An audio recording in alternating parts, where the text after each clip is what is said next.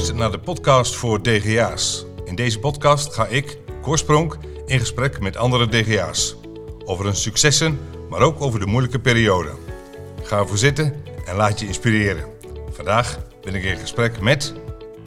Tony Vier, eh, DGA. Ehm, wij hebben, we kennen elkaar volgens mij...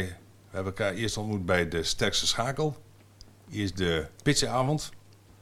Hier in Apeldoorn. En later de finale. En dan komen, later komen we daar nog op terug. Maar volgens mij is dat onze, onze eerste ontmoeting. Correct? Ja. 2019, waar jullie eh, eh, glansrijk hebben gewonnen. Dus jullie zijn de meest klantgerichte bedrijf van 2019. En we hebben net geconstateerd eh, in de hal, dan ook van 2020. Dus Ja. dat, is, dat is mooi twee jaar. Unicum, ja. Ja, ehm, ik heb wel dingen voor je opgezocht, over je opgezocht. 18 juli word je 52. Je woont in Apeldoorn. Apeldoorn. Ik zag twee hele mooie dochters voorbij komen, volgens mij. eh, daar waar je heel erg trots op mag zijn. Hobby's, hardlopen en tennis, zag ik. Dekt dat de lading? Ja, dat dekt de lading inderdaad. Hardlopen komt er iets minder van. Maar inderdaad, eh, tennis is eh, belangrijk. Een beetje fitness, lezen, films. Ja, en lekker uit eten gaan mag eigenlijk ook niet ontbreken. Oké. En muziek, wat is dan je favoriete muziek? Ehm, nou, dat is best wel divers. Maar over het algemeen wel eh, muziek waar ik zeg maar eh, eh, energie van krijg. Dus op het moment dat ik met ECDC en Van Halen eh, aankom zetten, Metallica, dan wordt hier en daar wel wat eh, verrast gereageerd. Maar Chesto en Armin van Buren vind ik ook geweldig. Dus die hoek kan je het wel een beetje zoeken inderdaad. Oké.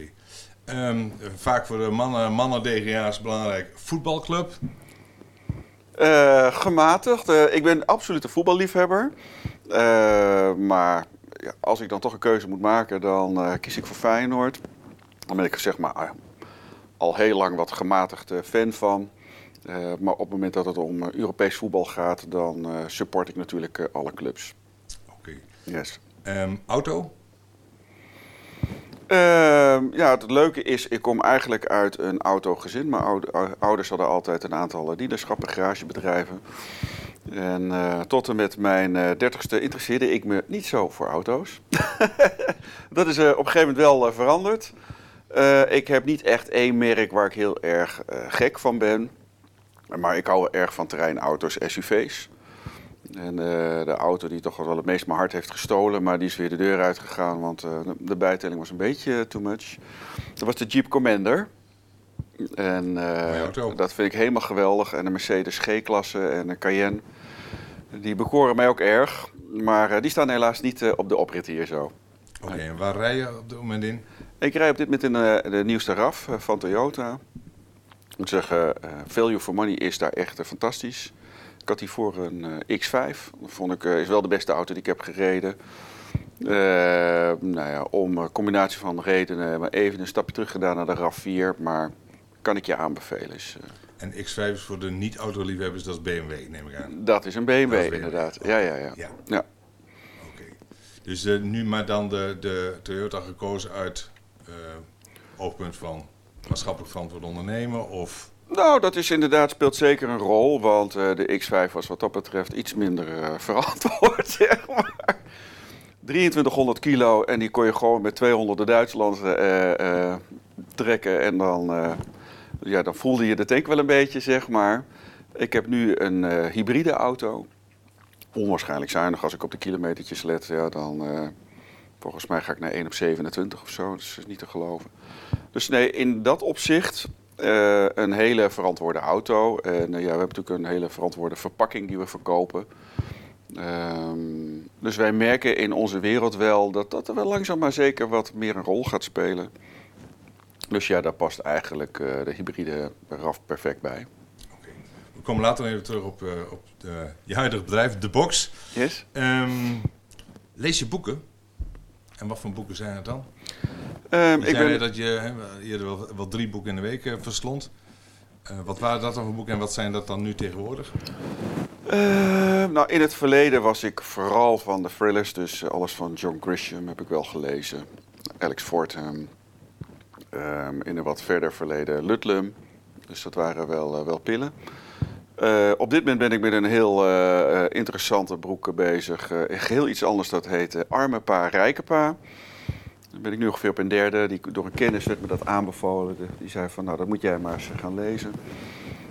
geschreven door een, een Japanse Amerikaan.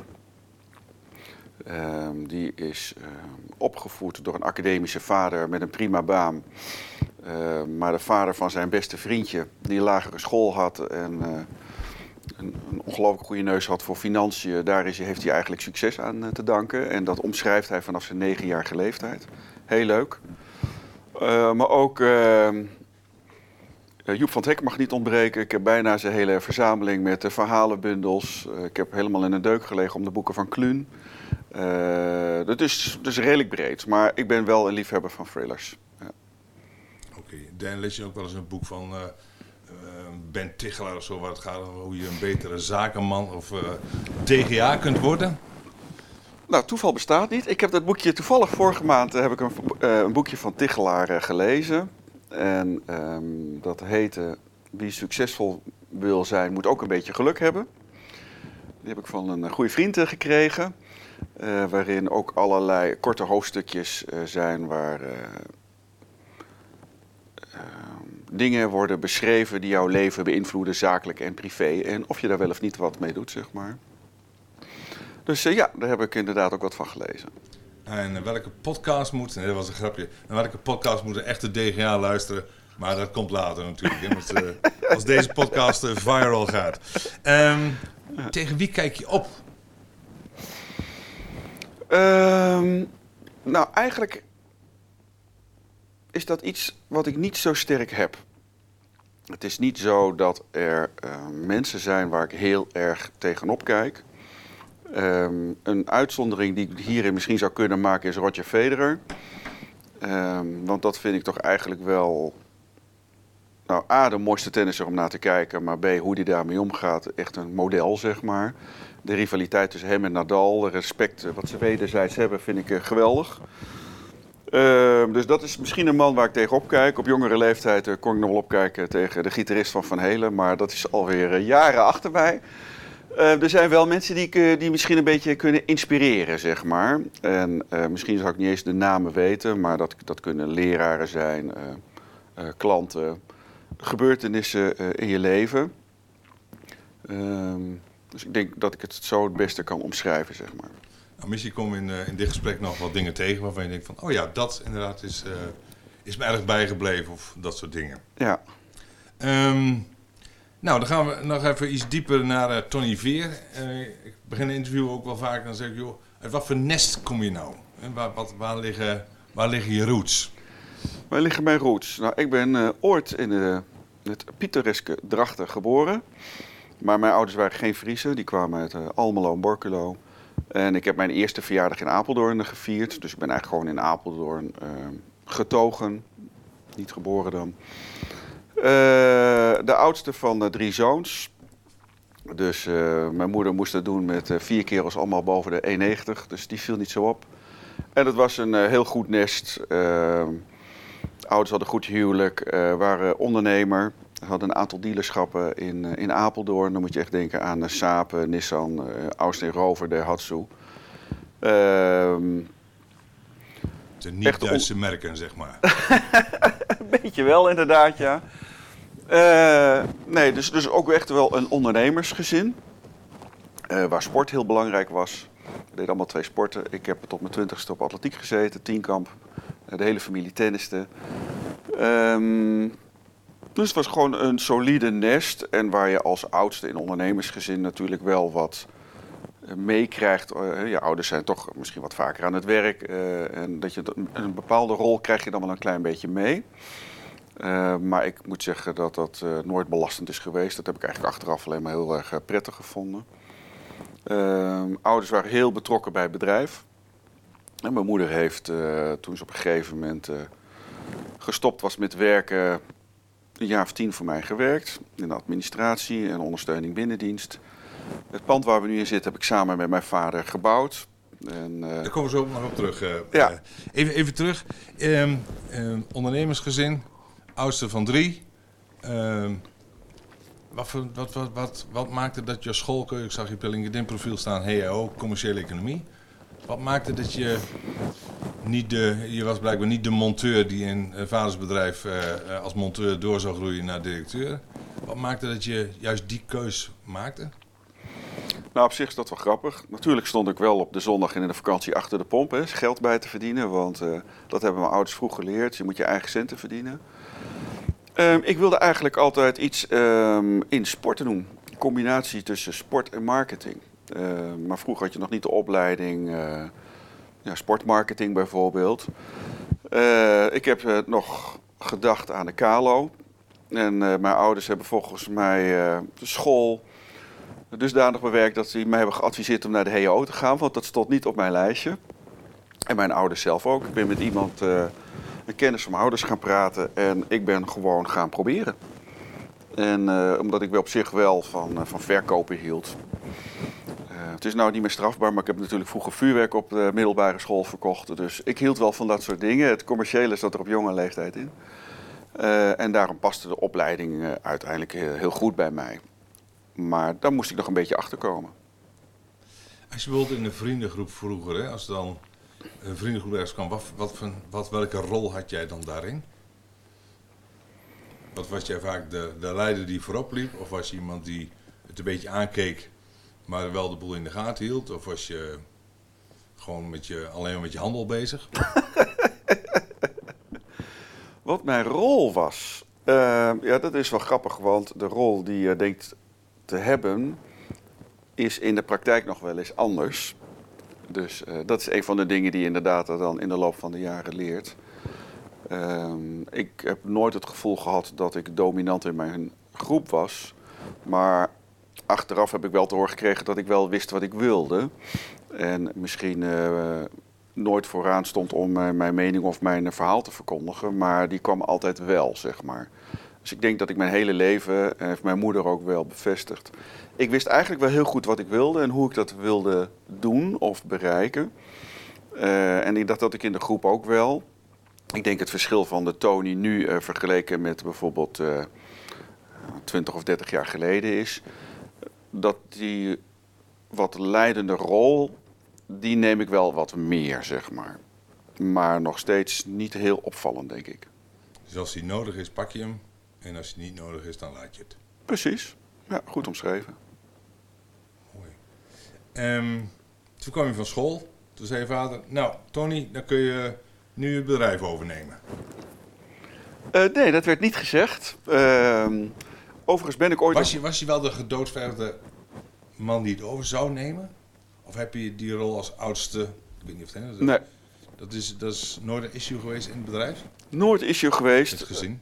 Nee, nee, mijn ouders hadden natuurlijk een, een aantal garagebedrijven... waar mijn moeder en een oom en ook anderen in stonden.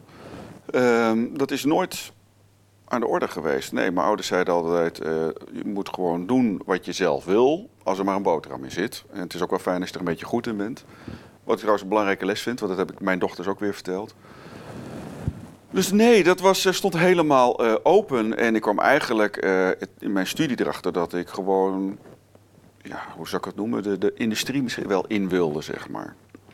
Dus dat was helemaal geen issue. Dus de garagebedrijven zijn helemaal, stonden helemaal niet op de planning. Er zaten mijn ouders zelf nog veel te veel in ook. Dus nee, ik ben gewoon gaan solliciteren. En toen ben je terechtgekomen bij, zag ik, stockboxers. Uh, nee, de market manager, je gelijk al manager geworden toen je van school kwam. Bij Crown, Crown, Cork en Seal.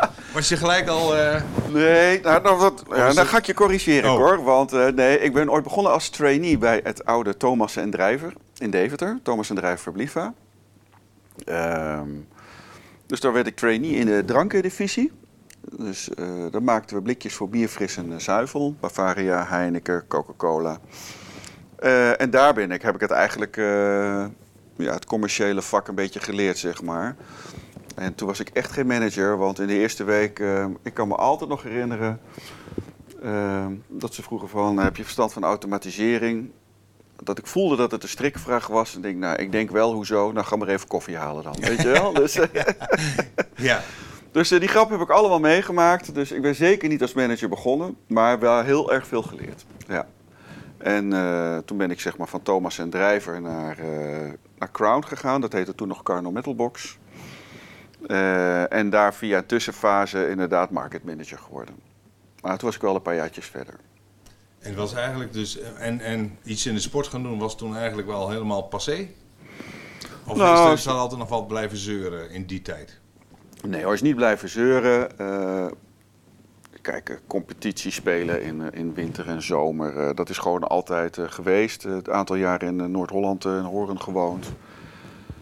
toen ik van Deventer naar Crown ging.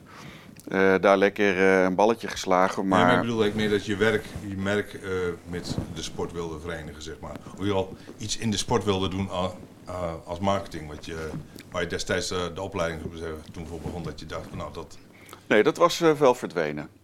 Dat was wel verdwenen. Ik ben later nog wel, uh, tot een jaar of twee geleden, uh, drie jaar voorzitter geweest van de ATF, Apeldoorn Tennisfederatie. Een soort overkoepelend orgaan boven de tennisverenigingen. En nou ja, waar je vooral zeg maar, de verenigingen een beetje op een rijtje moeten krijgen. Ongelooflijk leuk om te doen, maar dat was, ja, moet je het noemen, voor het goede doel. Ja. Maar betaald is die, die drang nooit meer teruggekomen. Nee, oké, dat bestuur, zo wil ik straks nog even op terugkomen. En hoe DGA's dat wel vaker doen en, en, uh, en, wat er dan gebeurt, waarom ze daarvoor gekozen worden. Had je, als je, toen je bij Crown, uh, Crow terechtkwam, uh, was toen, had je net zo goed bij een ander bedrijf terecht kunnen komen en was dan daar je wellicht je passie ingekomen? Of was dat, dat, dat blik, is dat wel iets wat je trok? Nee hoor. Ik, ehm, moet zeggen dat het product, het blik vond ik niet zo spannend, niet zo belangrijk. Wat voor mij heel erg belangrijk was, uh, was internationaal. Internationaal bedrijf, dus ik heb bij twee multinationals uh, gewerkt. Dat vond ik geweldig. Uh, collega's in binnen- en buitenland hebben, klanten in binnen- en buitenland hebben. de dynamiek van het internationale zaken doen vind ik een van de leukste dingen die er is. dus dat was voor mij heel erg belangrijk. En, uh, wat is dat dan, die dynamiek? Wat, wat, wat, wat versta jij eronder? Is dat het reizen? Is dat het, het andere culturen? Is dat... Precies, Cor. Nee, precies. Reizen, uh, andere uh, culturen, constant zeg maar een soort van prikkel krijgen dat je in een andere omgeving bent. kijk, we, we worden allemaal van andere dingen gelukkig. ik heb boekhouders als collega gehad die elke dag op de fiets in hetzelfde trommeltje dezelfde job deden en daar helemaal happy bij waren. Nou, daar zal ik doodongelukkig van worden. Dus ik moet afwisseling hebben. Ik moet eh, andere mensen ontmoeten, andere klanten, eh, eh, internationale uitdagingen. iets wat in Nederland verkoopt, dat is misschien in Polen wel helemaal niet te verkopen. En op het moment dat het om Duitsland en Spanje gaat, heb je weer met andere dingen te maken. Dus die uitdagingen, dat vind ik ongelooflijk, ongelooflijk leuk. En andere culturen, inderdaad, prachtig. Ik zag altijd, eh, ik vroeg even hoe dat zit in het kader van de corona. Je was in november 2019 was je nog in, uh, in China. En toen las ik inderdaad, ik zie jou badminton, ik zie jou uh, zen. Ik zie je met een enorme uh, tafel vol met vreten, sorry, eten. Um, zie, ik, zie ik je daar genieten. Ja. Maar dit is, zou ik maar zeggen, dit is echt een deel van je passie. Ja, ja ik moet zeggen, ehm, wat jij daar inderdaad hebt. Ik laat nu een foto zien die ik op Facebook uh, zag van, uh, van Tony. Ja, ik denk dat dat een hele uh, passende foto is als het om mij gaat. Onze blikken worden natuurlijk in China geproduceerd. al 21 jaar. ik kom zeg maar van die 21 jaar, 18 jaar kom ik daar. Ehm, ik geloof zowel zakelijk als privé in lange termijn relaties met onze leveranciers, met onze klanten. Ja, de banden die ik met mijn Chinezen heb, laat ik ze maar even zo noemen, die zijn zo sterk geworden dat ik inderdaad uh, privé daar ook met ze omga. En dat betekent dat ik inderdaad gewoon met mijn leverancier meega naar zijn badmintonavondje. Ik neem sportspulletjes mee naar, naar China. En dan ga ik gewoon mee badmintonnen. En dat vind ik geweldig om, om te doen. En uh, dan gaat inderdaad niet alleen om het zakelijke. Hè. We zijn daar ook naar een panda-reservaat geweest. En uh, ik ben gek van lekker eten. Aziatische keuken staat hoog op mijn lijstje. Dus ja, dat, dat, als ik naar die, naar die fotootjes op de tafel kijk, dan, dan past dat heel goed bij mij. Ja. Um, daarmee komen we nu toch even over je bedrijf. Je mag niet heel veel reclame maken over je bedrijf, maar we gaan er natuurlijk wel over praten. Ik wil vooral weten hoe jij als DGA daarmee omgaat. Je zegt van jezelf, ik ben een gepassioneerde en ambitieuze ondernemer. En toen ik je bij eh, de sterkste schakel leerde kennen, ehm, ja, kon ik ook enorm genieten hoe jij eh, ook hoe je met je team het als een team even zag, de, die, die bokaal zeg maar. Maar wat is de box ehm, en hoe ben je daar? Ik zag een management buyout. Kun je daar eens wat over vertellen? Hoe is het ontstaan? Hoe is het gegaan? Ja, natuurlijk. Misschien zijn er mensen die niet weten wat een management buyout precies is en wat er dan gebeurt. Ja, is goed. Ehm, nou, op een gegeven moment werkte ik dus bij Crown, waar we het even over hadden gehad. En werd ik daar commercieel eindverantwoordelijk voor uh, stockboxes, zoals dat heette. Uh, dat was een assortiment uh, promotionele, hè, dus luxe blikverpakkingen waar je koekjes, koffie, thee en dergelijke in verpakt. Die we uit voorraad verkochten. dus we hadden een brochure, we hadden allemaal standaard series, die stonden op voorraad en vervolgens gingen wij dat verkopen. Uh, de winkelketens waren toen een heel belangrijk speerpunt van ons. Blokker, Hemer, Maskramer. In Duitsland Karlstad. Uh, in Finland uh, Stokman. de speciaalzaken en ook wel een stuk food. op een gegeven moment wilde in 98 mijn werkgever Crown dat afstoten. Ja, ik zat natuurlijk boven op het vuur. ik kreeg daar lucht van en toen zei ik van nou, ik denk dat ik wel interesse heb om dat over te nemen. Ik rapporteerde toen uh, aan een uh, directeur in Mansfield, Engeland. Dus ik vloog elke maand uh, naar Mansfield voor een stuk rapportage en overleg. Waar ik heel erg tegen aanliep was toch een beetje het conservatieve van de Engelse directie. En ik vond dat wij zeg maar een andere kant op moesten en dat kon maar gedeeltelijk. Kun je, kun je een voorbeeld geven van dat conservatieve? nou ja, we hadden allemaal series die, met designs, met bedrukkingen dus echt koffieplaatjes, theeplaatjes, uh, nostalgische plaatjes, uh, kerst. Ik had zo ging verzinnen. En ik wilde dat moderniseren. Maar ja, we bleven met veel designs toch een beetje in de Engelse traditie hangen. Maar ja, wat in, uh, de, de, Engelse consument wil, dat is heel wat anders dan wat de Scandinaviërs of de Duitsers willen. Um, dus dus daar, moest, daar liep ik bijvoorbeeld een beetje tegenaan. Of de wijze waarop ik zeg maar marketing wilde uitvoeren. Ik was natuurlijk onderdeel van een gigantisch bedrijf, want Crown is de wereldleider op het gebied van kunststof en metalen verpakkingen.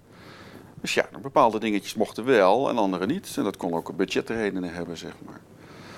Uh, zij wilden dat afstoten. Nou, ik uh, met ABN en Rabo gesproken, die dat beide wilden financieren. Mijn ouders zaten met een klein stukje achtergesteld erin.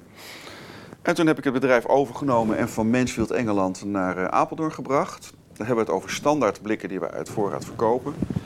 Ehm, ze wisten dat ze een concurrent zouden creëren voor custom-made blik. Want ik zou natuurlijk meteen achter bolletje, Milka en weet ik veel wat aangaan. Dat hebben mijn uh, uh, salescollega's ook tegen die directie verteld. Zo van, nou, realiseer je wel dat hij daar achteraan gaat. Maar ja, het bedrijf is beursgenoteerd in onder meer Parijs en, en VS. Ja, die maken zich daar niet zo druk om. Die zeiden, laat hem maar lekker gaan. En ja, op die manier is het ooit begonnen.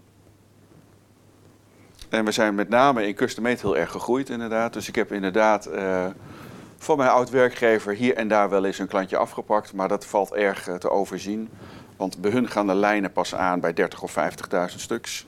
Terwijl wij de meeste blikken al kunnen produceren vanaf 3000. Dus die, die markt die daartussen zit, die hebben ze me zelfs een beetje gegund. Want uh, met name in het begin kreeg ik van mijn voormalige collega's gewoon prospects en suspects door. Nou, je zit hier in, uh, in een enorm uh, mooi pand aan de Laan van de Kreeft, volgens mij. Ja, correct. In Apeldoorn. Ben je hier ook begonnen? Of waar, waar, waar zijn jullie in Apeldoorn gestart?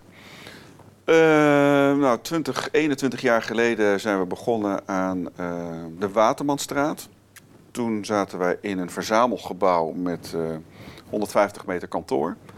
En opslag ordepicking, logistiek was allemaal ondergebracht bij een voormalig collega van mij in het Westen. Daar hebben we een jaar of drie gezeten. Toen zijn we naar de uh, Tweelingenlaan gegaan. Daar heb ik samen met mijn vader het eerste pand uh, gebouwd.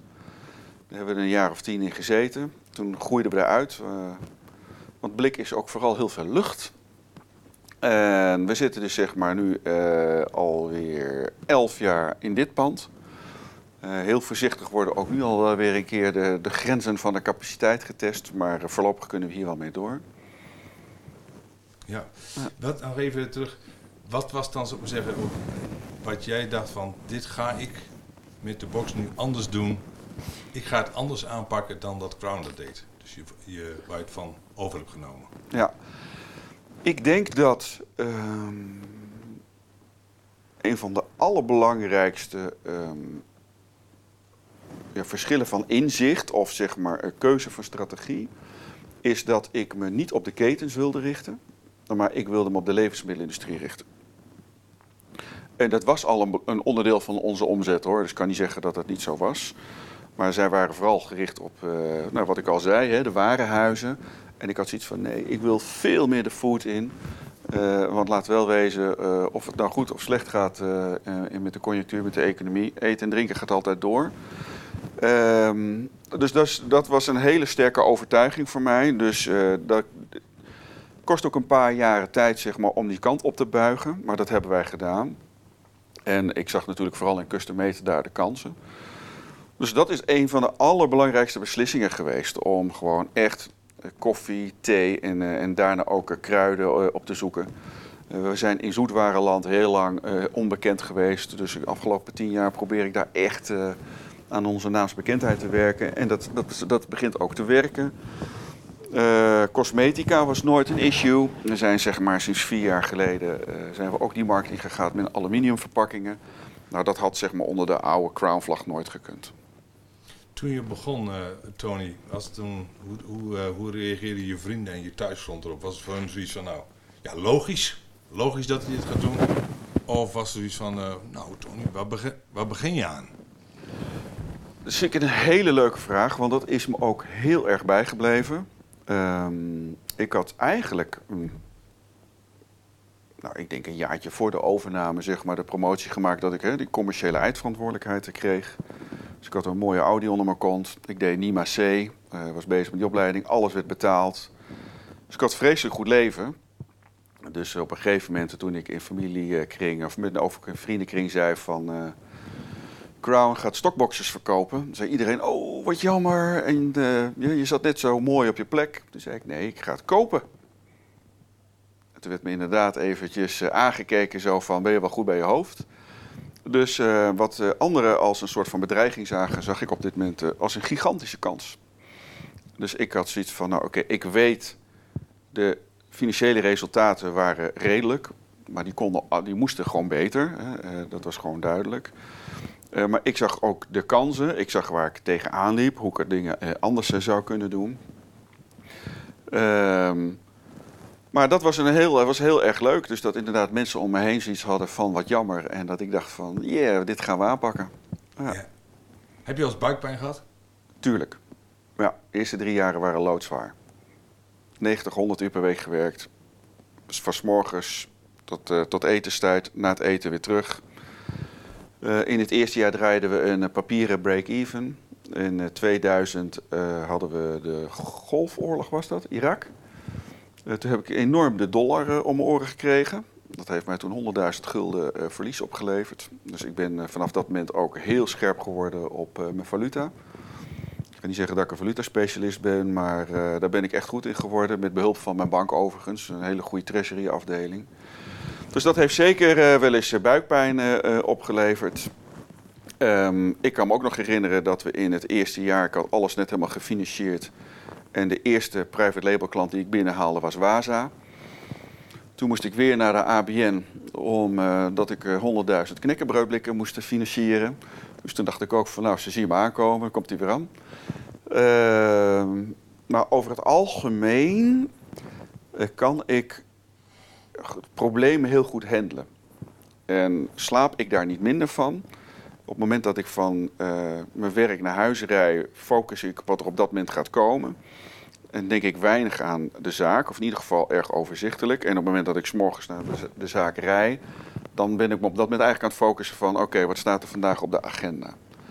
Dus als ondernemer is, het echt niet altijd makkelijk. Hè? Is dat nu of had je dat 20 jaar geleden ook al, die, die hele nou, duidelijke focus? Dat is wel een leerproces. Hè? Dus als je um, zeg maar eh, om en nabij de 30 bent, dan kun je dat minder goed als dat je om en nabij de 50 bent. Dus daar groei je in hoor. Natuurlijk groei je daarin. En ik heb echt wel eens eh, gedacht van eh, waarom ben ik ondernemer geworden? En uh, het is zeker ehm, niet voor iedereen weggelegd, denk ik. Als je geen incasseringsvermogen hebt, moet je het gewoon niet doen. En als je onvoldoende ambitie hebt, vind ik, moet je het gewoon ook niet doen. er moet een soort van brandend vuur in je zitten. En als je dat hebt, dan kun je denk ik de, de dingen tot een goed einde brengen. En ja, ik denk dat, uh, dat dat hele belangrijke eigenschappen zijn die, die ik heb. Uh, maar tuurlijk heb ik wel eens buikpijn gehad en ik heb klanten gehad die failliet gingen waar ik nog uh, een aanzienlijk bedrag van kreeg. Nou, daar baal ik echt wel van. Maar buikpijn is over het algemeen van korte duur. En de, je zegt 90, 100 uur, dat is, dat is fors. Hoe zorg je in die tijd dat je wel fit bleef? Of bleef je fit doordat je zoveel adrenaline door je heen ging dat je dat, je dat gewoon redde? Nee, sporten ging gewoon door, dat wel. Ja, dus uh, fitnessen en tennis, een beetje hardlopen, dus dat gebeurde allemaal wel. Ja. Had jij een moment in je, in je carrière, zou je kunnen zeggen, waarvan je zegt, joh, daar werk ik nu naartoe? Je ziet soms mensen die uh, zeggen, nou als ik dan denk, maar die, die Porsche kan kopen of als ik maar dat en dat heb bereikt en dan dan uh, ben ik succesvol. Had jij voor jezelf zo'n soort mijlpaal? Nee. nee, die had ik niet. Ik heb nog steeds geen mijlpaal. Het is niet zoiets, want wij hebben natuurlijk uh, intern hebben we bepaalde omzetdoelstellingen. Nou, daar werken we met het team aan. Uh, dus dat zijn zeg maar korte termijn uh, doelstellingen, mijlpalen, maar ergens naartoe werken zo van, nou, dat moet ik of dat wil ik bereiken. Dat heb ik niet. Um, wat voor jezelf als, als Tony Vier? Nou, het allerbelangrijkste vind ik gewoon dat ik de fun blijf houden in wat ik doe. En dat ik gewoon, uh, we hebben ongelooflijk veel plezier uh, met het bedrijf, met, de, met, de, met, de, met het team. Met elkaar voor elkaar. Uh, er worden geintjes genomen, nemen elkaar bijna dagelijks in de maling. dat vind ik heel erg belangrijk. En als ik zeg maar, dat plezier zeg maar, in het ondernemen zou verliezen, of als ik het niet meer leuk hier zou vinden, dan verandert dat. Maar dat blijven behouden, dat is wel belangrijk. En natuurlijk, ik heb altijd een financiële drijf gehad.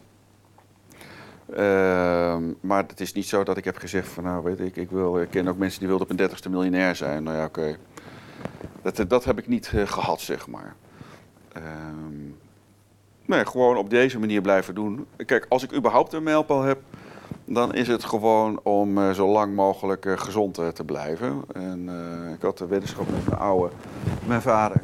Die zei altijd, die wordt 100. Dat heeft hij helaas niet gehaald. En, maar dat was een beetje een onderlinge wedstrijd, zeg maar. Helaas heeft hij, is hij 77 geworden. Dus als ik zo, sowieso iets zou moeten hebben, dan nou, zo lang mogelijk geestelijk en lichamelijk gezond blijven. En als dat zo is, dan zal het ondernemerschap daar wel lang een rol in spelen. Ik kan me alleen voorstellen dat als ik misschien de 60 nader, dat ik gewoon wat minder uurtjes ga maken. Ik zag in de hal dat je me zien een, eh, een foto van toen je hier de nieuwbouw had en je moeder stond daar op de administratie. Toen je begon, hoe groot was toen je team? Je, met z'n drieën. Met z'n drieën? Ja. En hoe is dat gegroeid? We hebben het natuurlijk al over gehad. Ik vind het mooi dat je het nog eens vertelt. Hoe zie jij, hoe groei jij? Hoe, hoe pak je dat aan? Uh, hoe groeien? Nou ja, ik denk dat dat uh, te maken heeft met uh,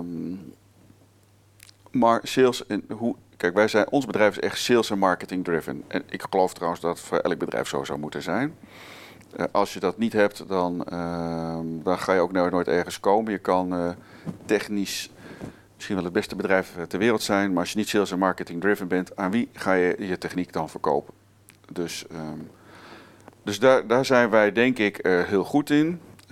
Dat is denk ik mijn, mijn eigen speerpunt, een van mijn sterkste kwaliteiten.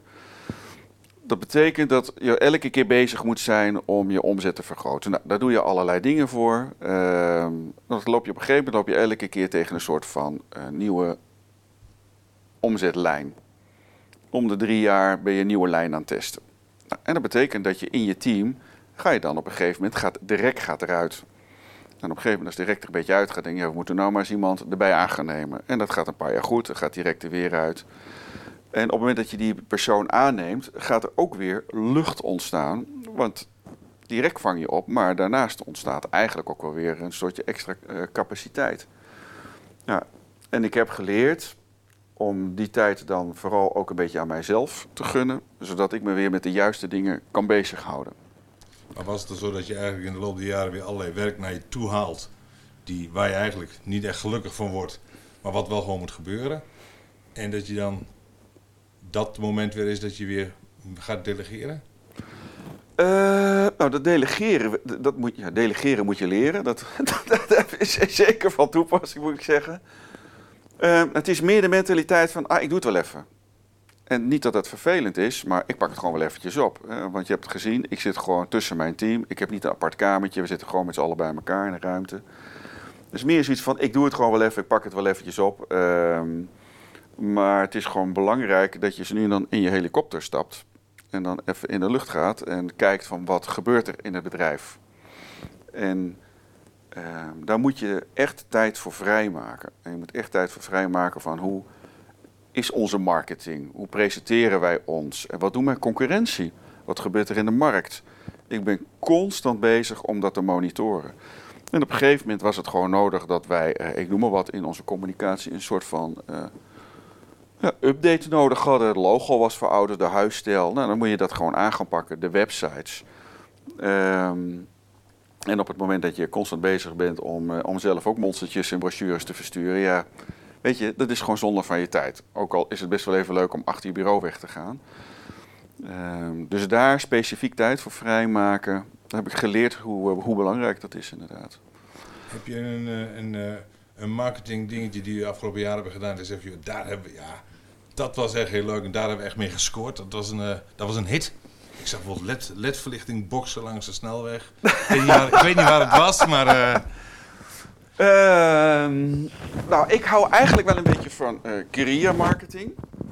dan ga je je misschien wel vragen, wat is guerrilla marketing? Nou, dat ga ik jou lekker niet vertellen, hoor. Want dat is iets wat ik bij me gehouden. Maar ik hou wel een beetje van uh, uh, kleine acties en die kunnen zeg maar uh, beursgerelateerd zijn. wat wel heel leuk is, wat je noemt, is um, dat hele grote blok. Ik meen dat het langs de A1 is. Daar staat gewoon in de. Het font, het lettertype van ons logo staat daar de box op, maar die verhuren dat als reclame. Maar vrienden hebben dat ooit, inderdaad ooit op mijn Facebook gezet van uh, gaaf reclame Tony. Dus ik heb dat een beetje ingekopt van... Uh, maar dat is niet van ons. Daar kun je gewoon reclame voor jezelf maken als je dat zou willen. En dan iedereen die langs de A1 rijdt, die ziet jou. Maar nee, dat is niet, uh, niet van ons bedrijf. Maar het was wel een hele leuke gimmick om dat in de social media te gebruiken. Uh, ja, ik denk dat een van de belangrijkste marketingbeslissingen die wij hebben genomen is om in aluminium te stappen in de afgelopen jaren. Zeg maar. Ik denk dat dat een hele wezenlijke is. En uh, wij kunnen nu zeg maar uh, de markt voor uh, watergedragen producten, cosmetica, heel goed bedienen. En dat is in blik bijna niet te doen. Althans niet het blik zoals wij dat leveren en produceren. Daar heb je een ander soort fabriek voor nodig, zeg maar.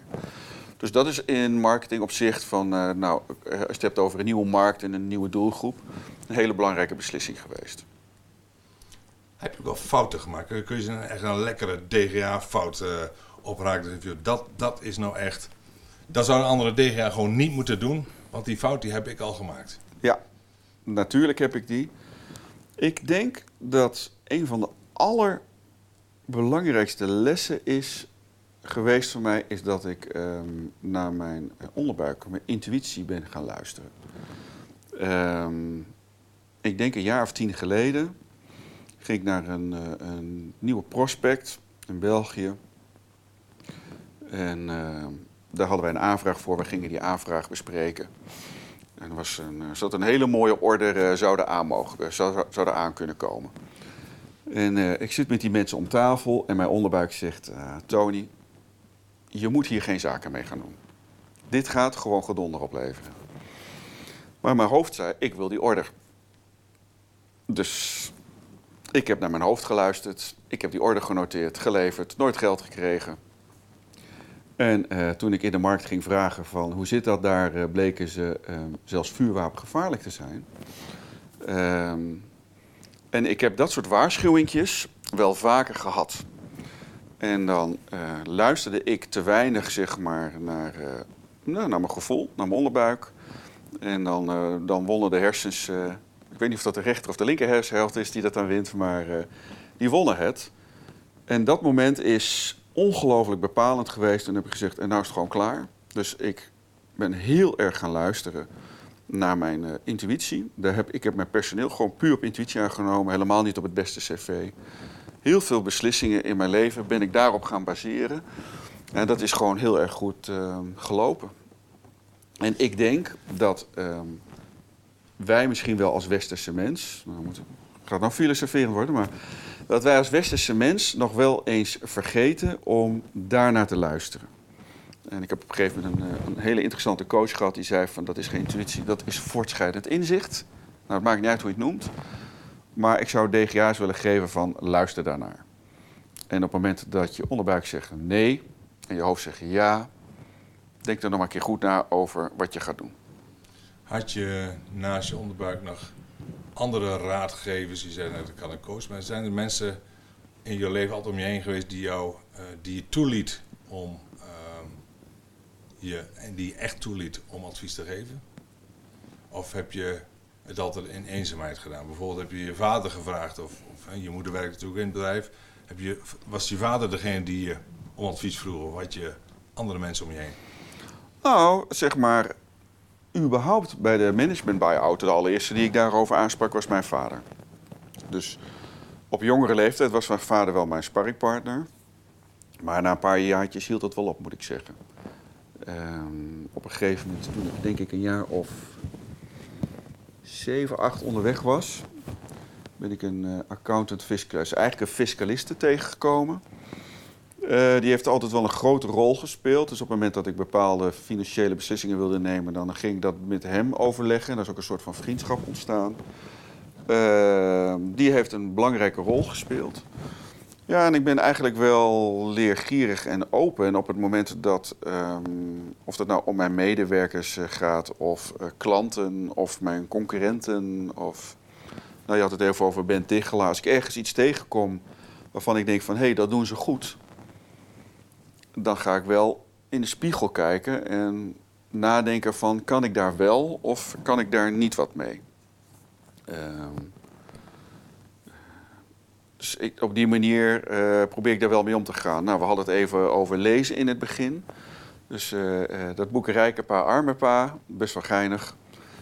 Daar zo nu en dan prikkelt mij dat en dan ga ik erover nadenken. En dan denk ik, nou, kan ik daar wat mee of kan ik daar niet wat mee? Dus ik denk zeg maar dat kritisch in de spiegel kijken, dat, dat kan ik wel. Ehm, ik heb niet de, de voorletters JC. Hè? Er zijn een aantal bekende mensen met de voorletters JC uh, die daardoor uh, de wijsheid in pacht denken te hebben. Dus, dus een stukje zelfkritiek is, is denk ik wel heel wezenlijk. En dan inderdaad, ik heb inderdaad concurrenten gehad dat ik dacht van nou, dat doen ze goed. Moeten we gewoon gaan kijken hoe we dat kunnen verbeteren. Maar die fiscalist waar ik het over had, ja, die heeft mij bijvoorbeeld op de BOF-regeling of op andere dingen gewezen dat ik dacht van ja, weet je, daar moeten we gewoon wat mee doen. Ja, je zegt, je zei dat net ook in de gang. Ik, ik uh, laat me omringen door hele goede mensen met hele goede adviseurs. Ja. En um, nou, dat, dat, is goed. Was dat, was, had je die basis ook thuis? Was, was, hè, was je, je zei je vader, maar was bijvoorbeeld, je vrouw was er ook een sparringpartner waar je mee kon sparren? Um, die zat in de zorg. Dus ja, dat was een, een andere wereld. Alhoewel uh, een stukje vrouwelijkheid uh, ook goed. Uh, dit is natuurlijk een mannenbedrijf, dus een beetje vrouwelijke invloed is in dat opzicht wel, wel goed. Dus nadat je moeder het bedrijf verliet, maar zeggen, als dat niet zegt, heb je niet daar een nieuwe voor aangenomen? Ik heb gewoon uh, de mannen hier uh, mezelf de opdracht gegeven om wat meer naar onze vrouwelijke in te kijken. Ja, ja, ja, ja. Nee, nee, nee. Ja. Nee, ik denk heel veel, heel, je hoort al vaak, naast een sterke man, achter een sterke man staat een sterke vrouw. Nou, voor de ene is dat misschien wel zo. Ik heb uh, ook nooit vrouwen gehad, zou ik zeggen, die echt ondernemer waren. Dus um, daar miste ik dan misschien ook soms van een stukje. Niet, niet dat het erg is, maar het was gewoon wel een gegeven. Dus dan zeg je van, hè, waar haal je, waar spar je mee? En ik weet niet, heb je wel eens, heb je vaak momenten gehad dat je je eenzaam voelde als DGA? Nee. Nee. Dat zeer zeker niet. Ik voel me niet snel eenzaam. Uh, sparren heb ik, uh, doe ik ook heel veel met mezelf. Dus gewoon met mezelf eh, in gesprek of in discussie gaan. Ehm, ik denk dat als je dat kan, heb je een enorm winstpunt. Door inderdaad letterlijk tegen jezelf te zeggen van hoe gaan we dat aanpakken? Of waarom moet je dat wel of waarom moet je dat niet doen? Over die sterke vrouw gesproken. Ik denk dat vrouwen sowieso sterker zijn uh, in de meeste gevallen dan mannen. Ehm, daar gaan we nu niet over. Het zwakke geslacht is misschien verkeerd gedefinieerd. Uh, nee, maar nee, mijn vrouw is toch, heeft toch altijd een, een, positieve rol ingespeeld, zeg maar. Natuurlijk is het voor een ondernemersvrouw wel eens een keertje lastig. Aan de andere kant, ja, je kunt ook ondernemende vrouwen. Is het dan voor de, voor de man die daarachter staat lastig? Ja, misschien wel, misschien niet. Ze, ze kunnen er ook de, de vruchten ervan plukken. Hè? Dus als het gaat om comfort. Ehm, eenzaamheid heb ik in dat opzicht daar ben ik niet zo vatbaar voor.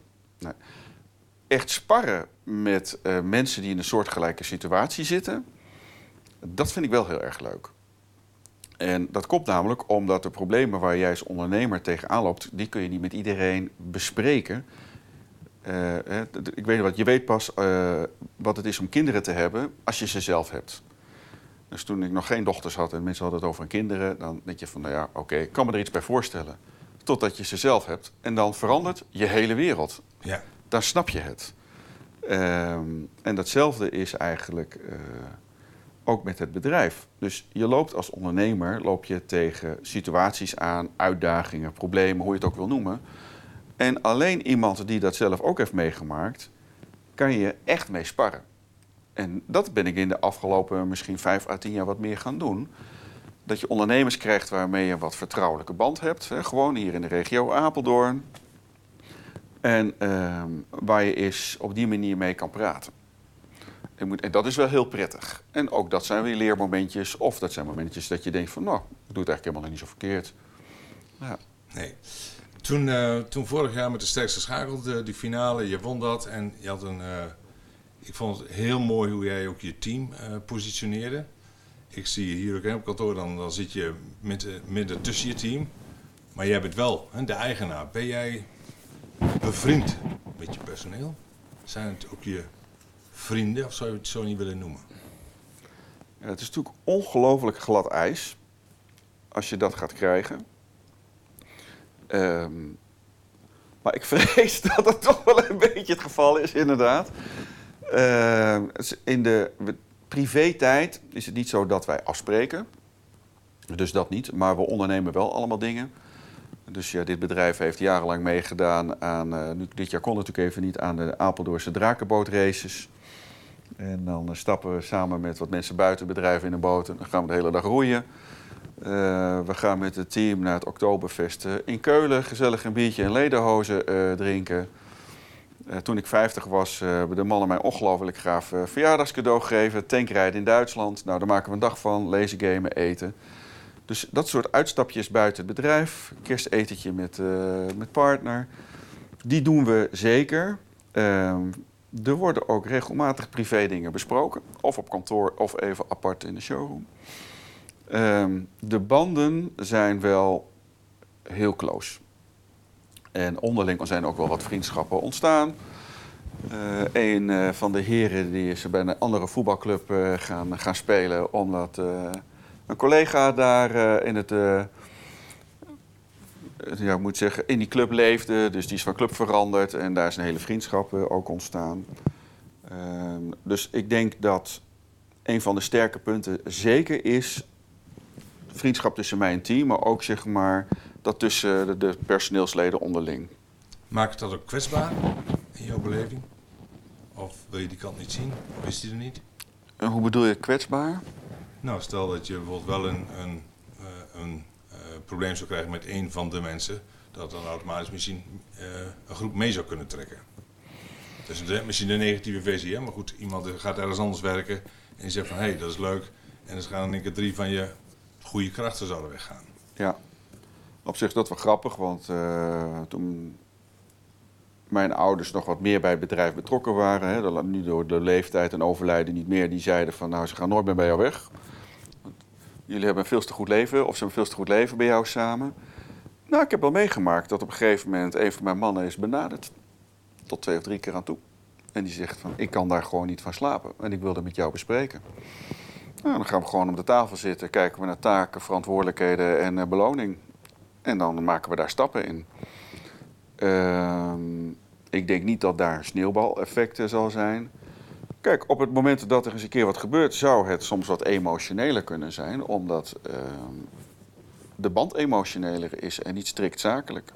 Nou goed, als dat gebeurt, vind ik dat niet zo'n probleem. En dat is ook wel eens een keertje gebeurd. Aan de andere kant, ja, nu in coronatijd mag het niet. Maar elkaar een keer eh, een goede huk of omhelzing geven, ja, weet je, dat gebeurt hier ook. Dus, uh... Is er dan ook bij jullie bedrijf ook totale financiële transparantie? Of gaat het voor jou ook tot een bepaalde... Ja, dat gaat wel tot een bepaalde hoogte. Kijk, uh, we werken aan omzetdoelstellingen, dus, dus dat is duidelijk. Uh, als het gaat om de resultaten, dan deel ik die niet actief. Nee. Want? Maar het, uh, ik weet niet, het is gewoon een gevoelskwestie. Ik kom weer bij die onderbuik uit natuurlijk. Dus uh, nee, kijk, we hebben gewoon omzetdoelstellingen. Wij zeggen elk jaar van oké, okay, dit willen we aan het eind van dit jaar aan omzet draaien. En dit is ongeveer de, de verdeling per maand. En we kijken natuurlijk ook van wat doen we in custom in stok en, in, in, tegenwoordig in aluminium.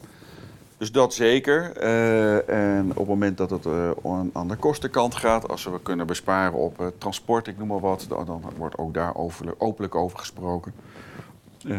maar wat het eindresultaat op jaarbasis is, nee, dat, dat hou ik eigenlijk een beetje bij me.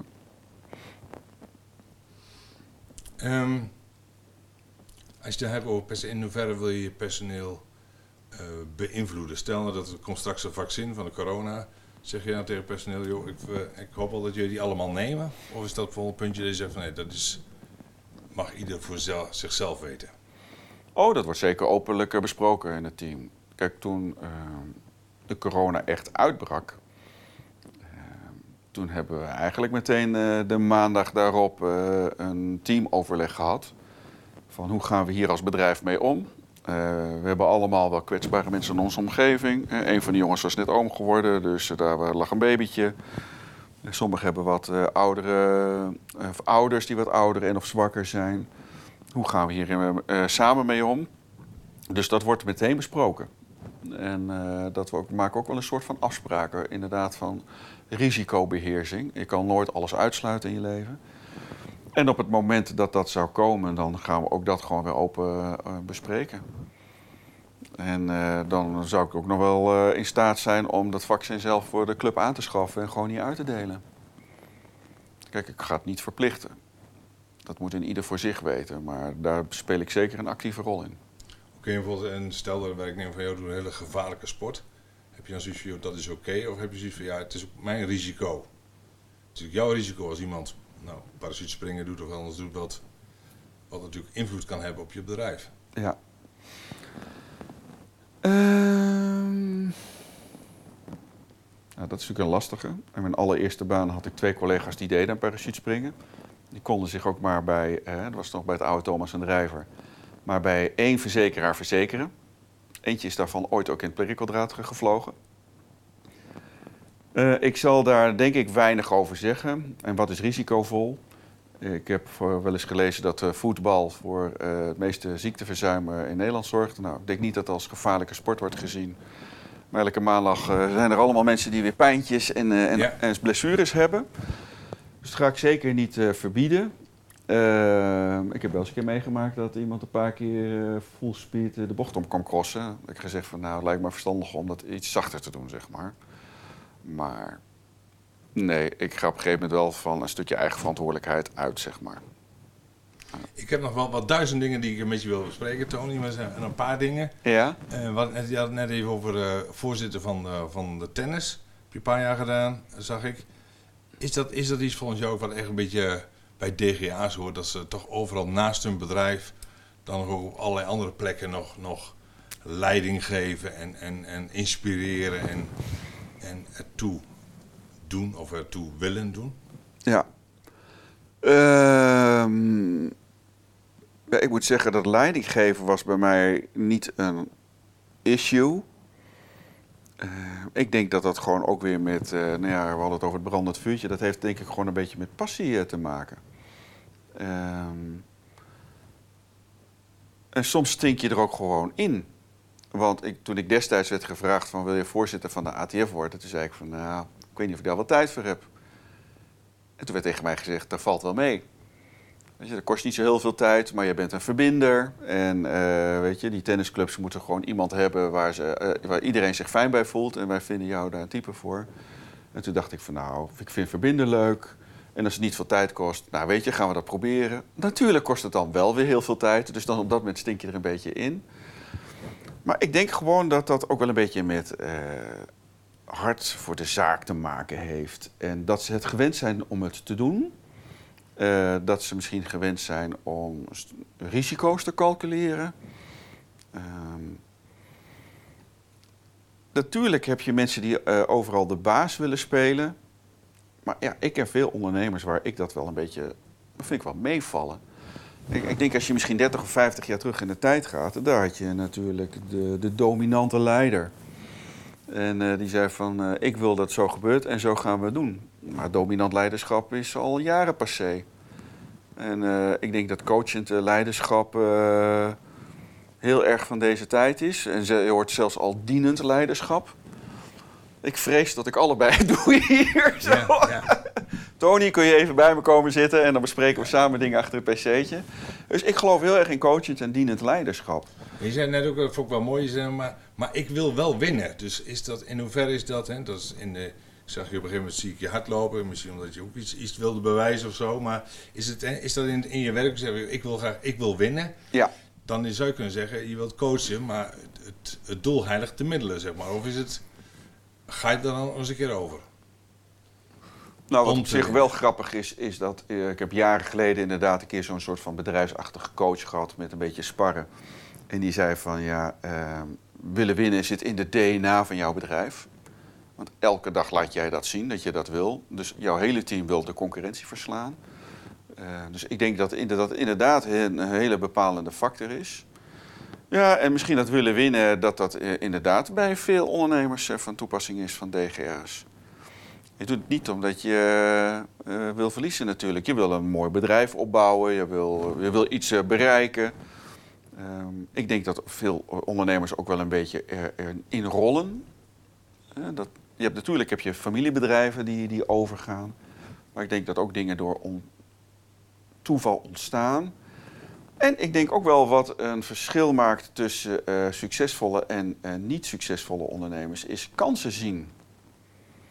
Ja, en ik, zal nooit meer uh, een, een, lesje vergeten. Volgens mij zat ik in de eerste of in de tweede van de EO. Dat een directeur van een grote schoenenfabrikant um, over Afrika nadacht. Zijn boekhouder naar Afrika stuurt. En zegt van kijk eens of dat een markt is. En die man die komt terug en die zegt van geen markt. Hoezo? Niemand loopt op schoenen. Waarop die directeur begint te glimlachen. En die zegt, nou stuur ik mijn commercieel directeur daarheen. En die komt met een flesje champagne terug. En die zegt, uh, hoe zit het? De allermooiste markt die er is. We kunnen aan iedereen schoenen verkopen. Ja. Weet je? Dus hoe zie je het? Ja. En uh, ik heb uh, inderdaad ondernemers gezien... Uh, die mij dan ook weer een stukje inspireren... omdat ze dus, dus ook dat hebben. En dat vind ik mooi. Ehm, dus ja, ik denk dat dat gewoon een bepalende factor is. Waar wil Tony Veer of waar wil de box de komende vijf jaar nog in groeien? Hoe wil je groeien? Uh, nou, eigenlijk met de producten die wij nu doen. Kijk, wij zijn op een gegeven moment uh, aluminium gaan testen. Uh, dus daar zijn we nog lang niet klaar mee. het is geen explosieve groei, maar wel een gewoon stap voor stap een hele gezonde groei. Ehm, in blik, standaard en custom made, ja, geldt dat eigenlijk ook wel een beetje. Uh, wat ik misschien voor kan stellen in, uh, in de toekomst is een strategisch partnership. Uh, wij produceren natuurlijk nu alles in China. Misschien is het wel een idee om met een Europese fabrikant een soort van samenwerking aan te gaan. Dat is iets wat wel een beetje in mijn achterhoofd speelt. Niet meer reizen, Tony. Je wilt reizen, je wilt juist dat internationale zo. Waarom zou dat uh, reis op moeten houden, Cor? Ja, oké. Okay, uh, Maar dan... Dat gaat gewoon door natuurlijk. Ja, hè? ja. Ik ga echt wel naar China om een, om een eh, fabriek te bezoeken. En stel nou eens dat die partner in Polen zit. Nou ja, dan, dan, dan maakt het niet uit. Nee, kijk, wij exporteren 70% van de omzet. Dat blijft gewoon eh, blijft altijd gebeuren.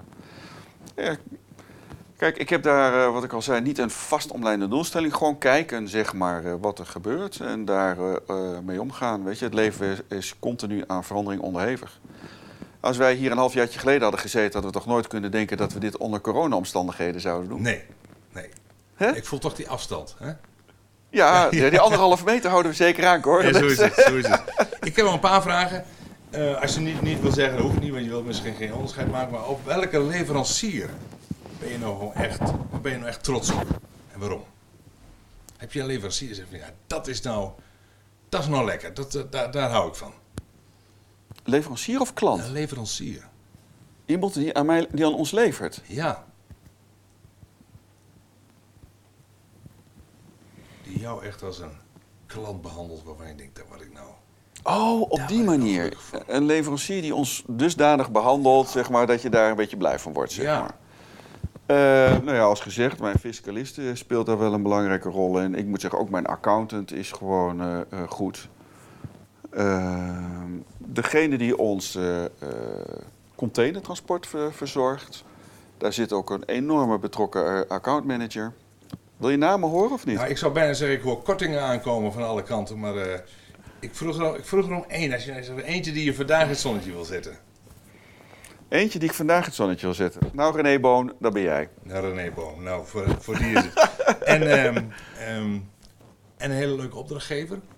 Waarvan je zegt, dat, dat is nou in het afgelopen jaar, dat vonden we leuk om daar aan te werken, zeg maar. Die, Eh, nou, wat een hele leuke klus was. eh, waarmee we nu ook genomineerd zijn voor de Packaging Awards. Waarvan volgend jaar de prijsuitreiking is. Maar we zitten bij in de top 5. We schijnen een goede kans te maken op de top 2. Dat is eh, Klepper en Klepper.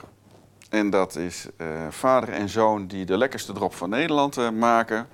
Daar hebben we een heel erg leuke blik voor gemaakt. Eh, die vind je ook op de social media terug. Dat was wel een hele leuke klus eh, om te doen. En helemaal niet een mega eh, groot bedrijf. Maar een blik met een aantal uitdagingen. Een, blik wat ook karakter heeft. Vader en zoon hebben overigens ook karakter. Dus ja, dat was een hele leuke klus om te doen. moest, je daar ook nog een beetje, moest je daar een tandje bij zetten om dat, om dat ook binnen te halen? Ehm, nou, we moesten wel een tandje bijzetten om de wensen die op tafel lagen te kunnen realiseren. Want het moest zowel verpakking zijn als display. Dus dat betekent dat de blik moest zowel eh, op de bodem kunnen liggen, maar ook op de zijkant kunnen blijven staan. Zonder vulling. Ehm, en in dat proces is dat blik ook gewoon ook wel een beetje veranderd. En dat samen met onze Chinese partner, de klant en wij, met z'n drieën, is eh, dat blik tot stand gekomen. Dus ja, wat mij betreft de ideale manier om eh, tot een mooie verpakking te komen. Nou, dan de, de laatste, niet ultieme vraag, want ik heb echt... ehm, Tony, je weet, hè, ik geniet enorm van hoe je, hoe je het doet en, en hoe je bent. Dat eigenlijk allereerst en daarnaast hoe je het doet. Ja? Ehm, ik wil eigenlijk afsluiten, ik weet niet meer wat een goede afsluiting is, maar heb jij een ultieme tip voor andere DGA's waarvan je zegt, nou, beste DGA, denk hier en hier aan of wees daarop bedacht of ehm, jouw... Nou, zeker. Ik noemde natuurlijk al. ehm, luister naar je gevoel, luister naar je onderbuik.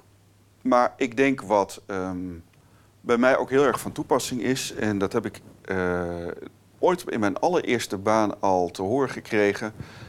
Blijf kritisch naar jezelf kijken. En op het moment dat het je goed gaat of dat je succesvol bent, ga dan niet zoals wat ik nu eventjes in mijn stoel doe, achteroverleunen. Eh, maar kijk tijdens het tandenpoetsen in de spiegel, wees kritisch. Oké, dit gaat nu goed, maar wat kunnen we nog verbeteren? En op een gegeven moment, eh, als wij op de beurs staan, dan zijn er momenten dat het rustig is. We bezoeken internationale beurzen. Dan vraag gewoon aan de jongens: jongens, wat kunnen we volgend jaar aan deze stand verbeteren? Zeg het maar. Dus blijf kritisch naar jezelf. En dan zijn we nu aangekomen aan het einde van deze podcast voor DGA's. Wil je regelmatig geïnspireerd worden door de verhalen van andere DGA's? Abonneer je dan op op deze podcast. Ben je DGA en wil je wel eens verder praten over de onderwerpen die je gehoord hebt? Dan maak ik graag een afspraak met je. Je weet mij vast wel te vinden. Voor nu zeg ik, ik wens je nog een fijne dag. Hoi!